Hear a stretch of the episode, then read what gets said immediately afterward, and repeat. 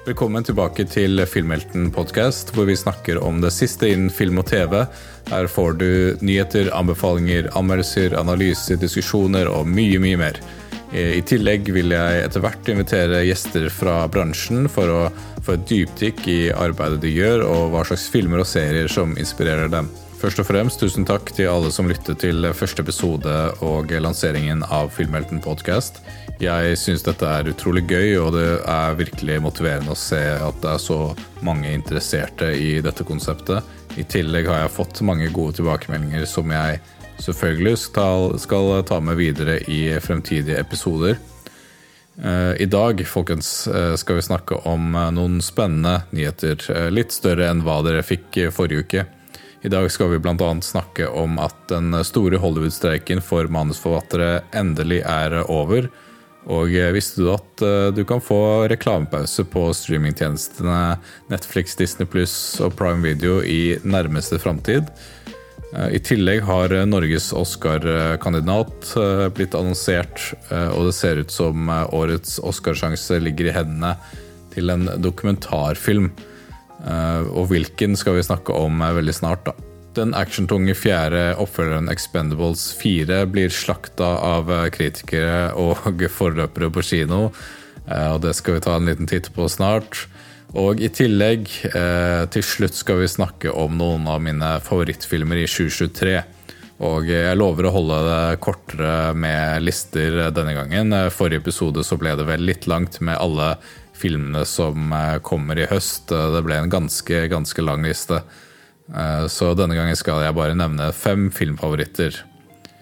Mens eh, du lytter på i denne episoden, så gjerne gi meg en vurdering på plattformen du lytter på, og følg meg gjerne om dette er noe du liker, eh, og om det er noe du elsker, så gjerne sett på varsler for å få med deg når episoden blir publisert. Eh, som eh, akkurat nå tenker jeg kommer til å være hver torsdag morgen, men jeg skal legge ut en poll på denne episoden hvor dere kan stemme om hva dere foretrekker. Yes, La oss gå over til nyheter fra film- og serieuniverset. Og igjen, velkommen tilbake til Filmhelten podkast.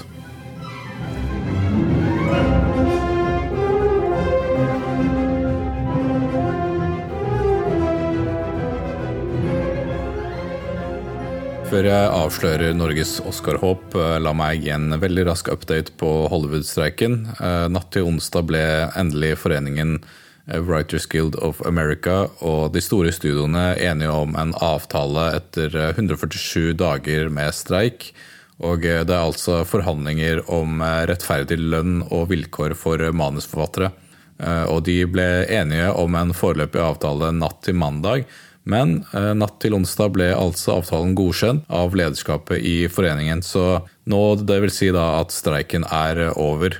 Eh, men dette er da kun for eh, manusforfattere. Så streiken for skuespillere foregår fortsatt. Og du kan høre mer om det i min forrige episode hvor jeg snakker litt om hva det innebærer.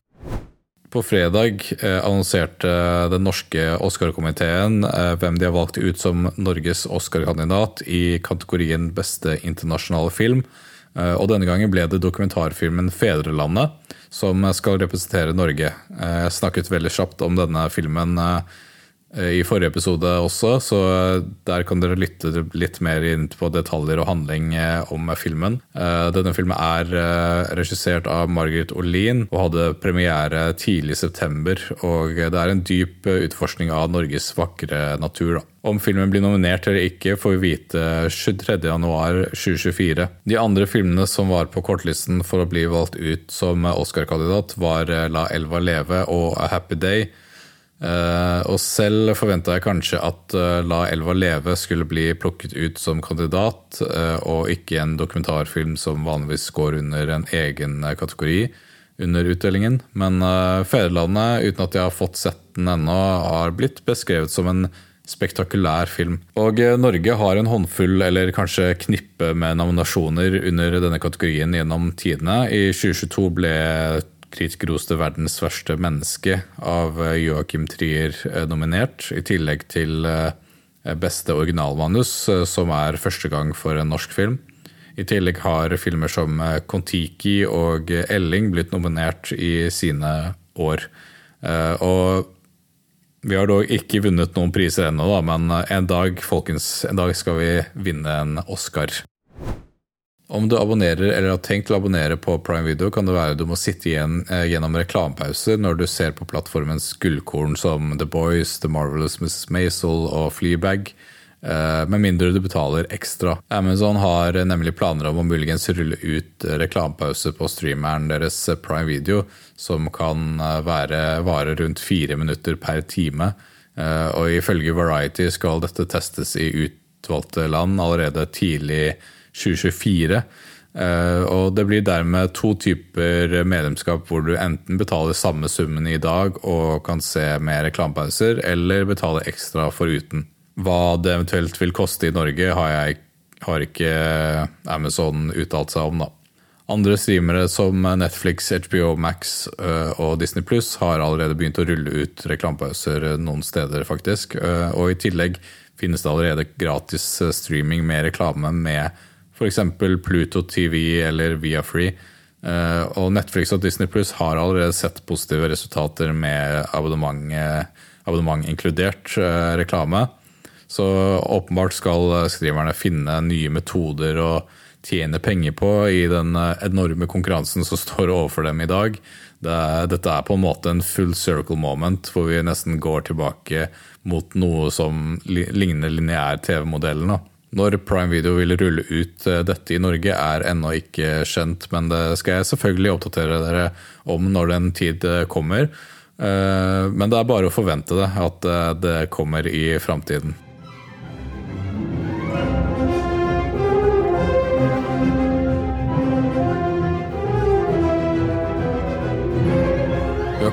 Halvveis i episoden allerede, og da er det tid for å snakke om noen ferske premierer. Av filmer har vi den norske indie-filmen Voice av kunstner Ane Hjort Gutte, som er en skikkelig meta-dypdykk i det å lage dokumentar.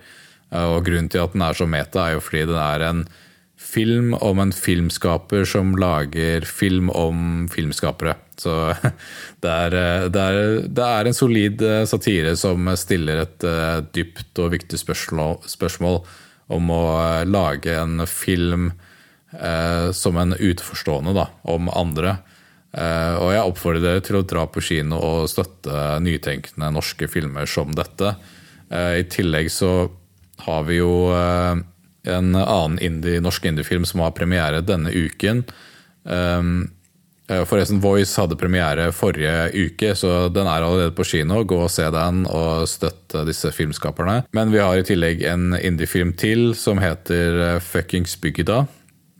Eh, og den har visning både i dag og på fredag denne uken på Oslo Fusion Filmfestival.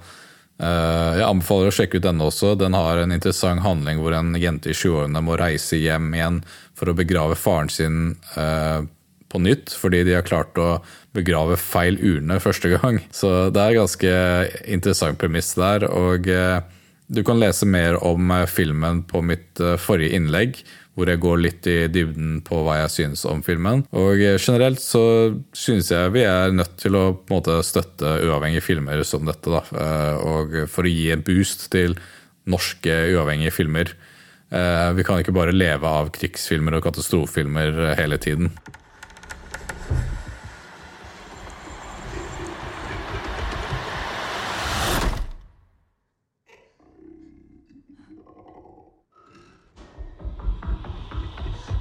Noen ganger kommer det filmer rett på streaming som egentlig fortjener en kinorelease. Eh, en av dem er No One Will Save You, som hadde premiere forrige uke på Disney pluss.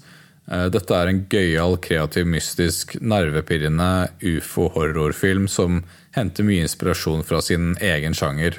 Romvesener har invadert kloden, men fokuset er på én person, eh, som gjør det om til en sånn haunted house med disse vesenene. Og noe jeg synes er veldig imponerende, er hvor mye den forteller og ikke forteller ved å ha så lite dialog som mulig. Eh, jeg tror jeg hørte typ fire til fem ord i hele filmen, eh, og det gjør det ekstra mystisk.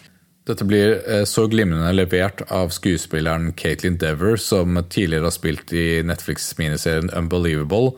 og Disney-miniserien Dopesick og komedien Booksmart. Det er filmer og serier jeg anbefaler å sjekke ut, og denne her, No One Will Save You, som, som jeg nevnte, går på Disney pluss.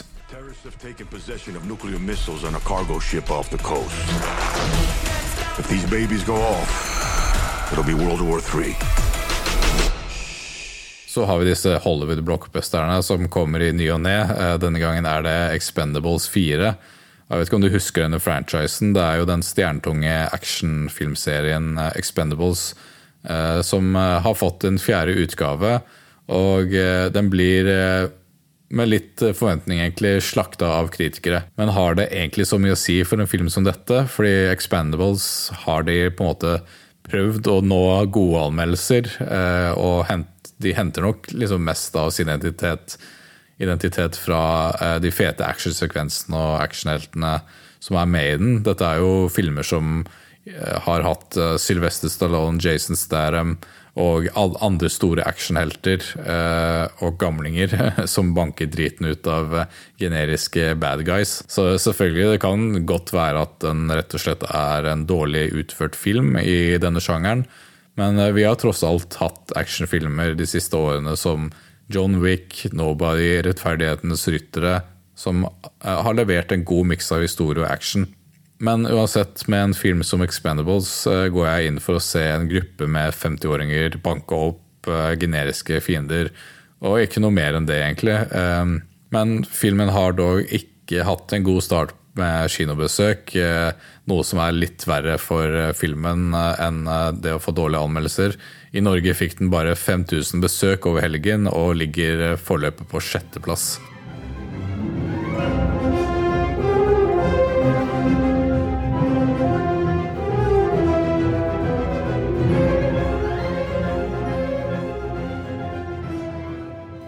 Nå skal vi over til segmentet Filmhelten watchlist, hvor jeg skal liste opp uh, ulike filmer og serier, uh, anbefalinger, uh, ja, som jeg har lyst til å gi til dere. Um, og for eksempel forrige uke hadde vi jo denne med dette med høsten, hva som kommer i høst 2023. Og denne gangen skal vi da gå gjennom topp fem filmer i 2023 så langt, som er min egen liste, da, så det er ikke en offisiell topp fem-liste, men det er de filmene jeg eh, setter på, setter på topp fem eh, i 2023. Så 2023 eh, har jo uten tvil vært en, vært en av historiens beste filmår. Vi har fått kritikerroste filmer som Eh, fra mange ulike sjangere, og det er bare utrolig gøy å se film begynne å blomstre igjen som det er. Eh, nå er det også slik at en rekke filmer får premiere senere i Norge, så 2022-filmer eh, som var nominert til Oscar i år, f.eks. Tar, Banshees of Inisherin og Babylon, fikk ikke premiere før tidligere i år. Så det gjør jo at topplister som eh, f.eks. min eh, inneholder filmer som eh, hovedsakelig hadde premiere i fjor. Mine topp fem filmer i år inneholder nemlig hele tre filmer som egentlig er 2022-filmer. Så jeg var litt usikker på hvordan jeg skulle gå frem her. Skal jeg inkludere dem, eller kun nevne fem som hovedsakelig er fra 2023? Så det skal ikke være lett, det her, men la oss inkludere de fra 2022, og så skal jeg linke til min fulle rangering over alle filmer filmer som hadde premiere i år. Og så er det verdt å nevne at det er, eh, dette er en toppliste så langt, og jeg kommer til å lage en ny episode i slutten av året når jeg har en endelig liste. Så vi har jo mange godbiter som kommer i høst, så det kan fort endre seg. If you're here, then you already know who she is. Lydia Tarr is many things. Vi starter fra bunnen av, og det er nummer fem, som er eh, Tar med Kate Blanchett. Dette er en mesterlig utviklet film som tar en interessant dypdykk i kanselleringskulturen, med ukomfortable dialoger og situasjoner. De er eh, på en måte litt vanskelig å reflektere over, og jeg elsker filmer som gjør dette. Eh, de filmene som virkelig setter et spor i deg og får deg til å liksom tenke, på, tenke på filmene i lang tid etter. Uh, det er en litt sånn slowburn-drama som til tider kan virke som en psykologisk thriller i tillegg. Eh, og Kate Blanchett leverer en av de beste skuespillerprestasjonene verden har sett på lenge, med rollen som komponisten eh, Lydia tar. Eh, ja, for, for, meg er dette hennes beste prestasjon hittil. Og Altså, man, man, glemmer helt at man ser Kate Blanchett, fordi hun personifiserer denne karakteren så innmari godt. Uh, jeg må da innrømme at jeg måtte se denne to ganger før jeg klarte å konsumere hele filmen.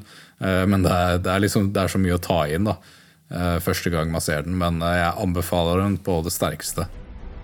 Are we saying there's a chance that when we push that button, we destroy the world? Chances are near zero.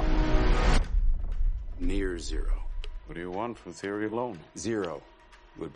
På fjerdeplass har jeg en av de store sommerblockbusterne 'Oppenheimer' av Christopher Nolan. Uh, altså, Hva kan jeg si som ikke allerede er sagt? Jeg har jo skrevet en hel anmeldelse på 730.no, og her går jeg inn på den imponerende metoden Nolan bruker for å fortelle en biopic som dette her.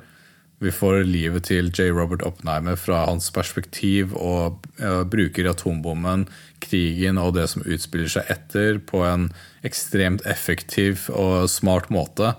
Uh, og Killian Murphy leverer også en av helt glimrende uh, prestasjon som jeg, som jeg, er sikker på vil være en stor Oscar-favoritt. Og les gjerne hele anmeldelsen min på 7.8 730.no eh, og se den før den er ute av kinoene. Jeg tror ikke den er eh, på digital digital.no, men ja, sjekk, sjekk, det. Og hvis den er på kino, løp og se den med en gang. Bare vær forberedt på tre timer med mye prating, da, men det er, det er virkelig, virkelig verdt det. Nah, I'm gonna do my own thing.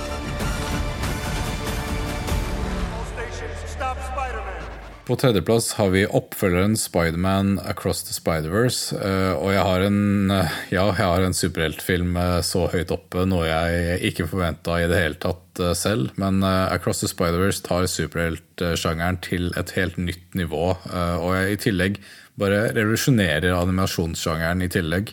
Jeg synes ikke den er bedre enn den første, som heter Spiderman Into the Spider-Verse. men den er tett på å være nesten perfekt. Eh, er du en Spiderman-fan og ikke har sett denne filmen eller disse filmene ennå, da må du bare stoppe det du gjør akkurat nå og løpe og se dem. Eh, og igjen, animasjonen er helt spektakulær og brukes på en så naturlig måte med farger og stiler for å fortelle historien og karakterenes personlighet. Eh, og alle karakterene som er med, er så nøyaktig utviklet og komplekse og I tillegg til masse gøyale referanser fra både tegneserier og eh, live action Spiderman.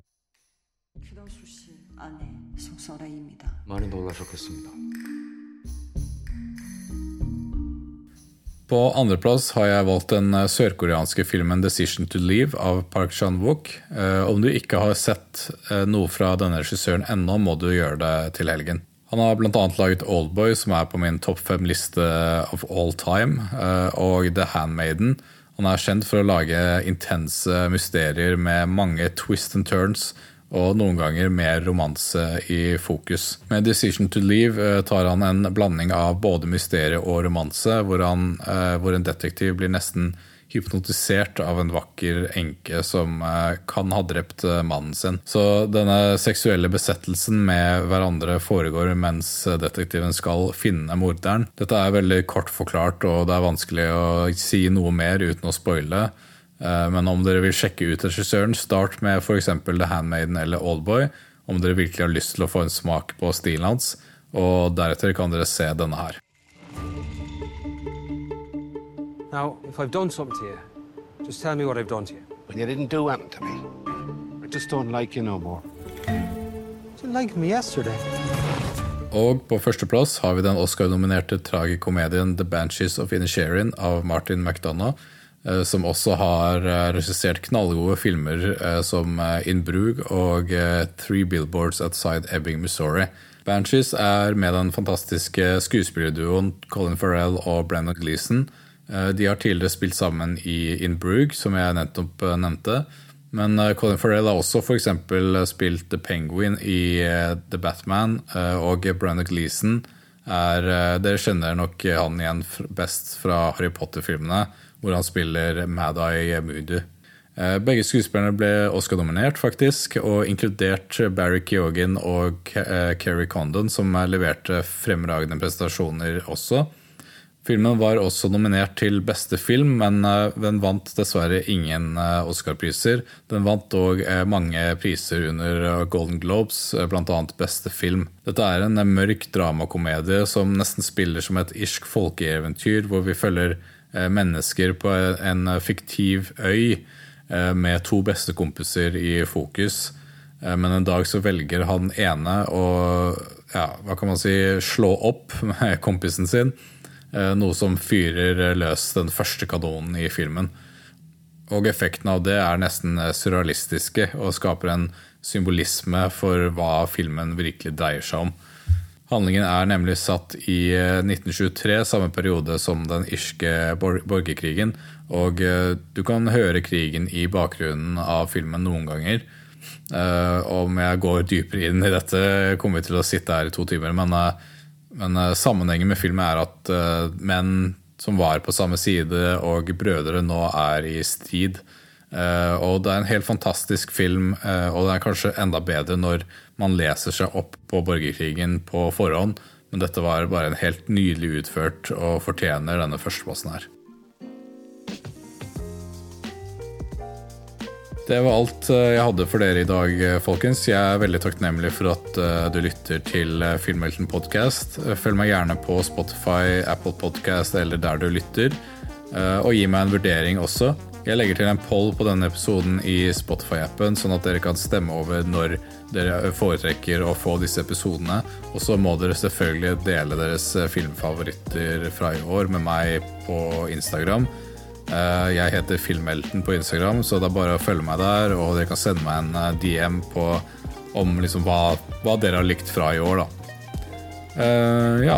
Ellers ønsker jeg dere en god helg og ny uke. Uh, så snakkes vi til neste uke.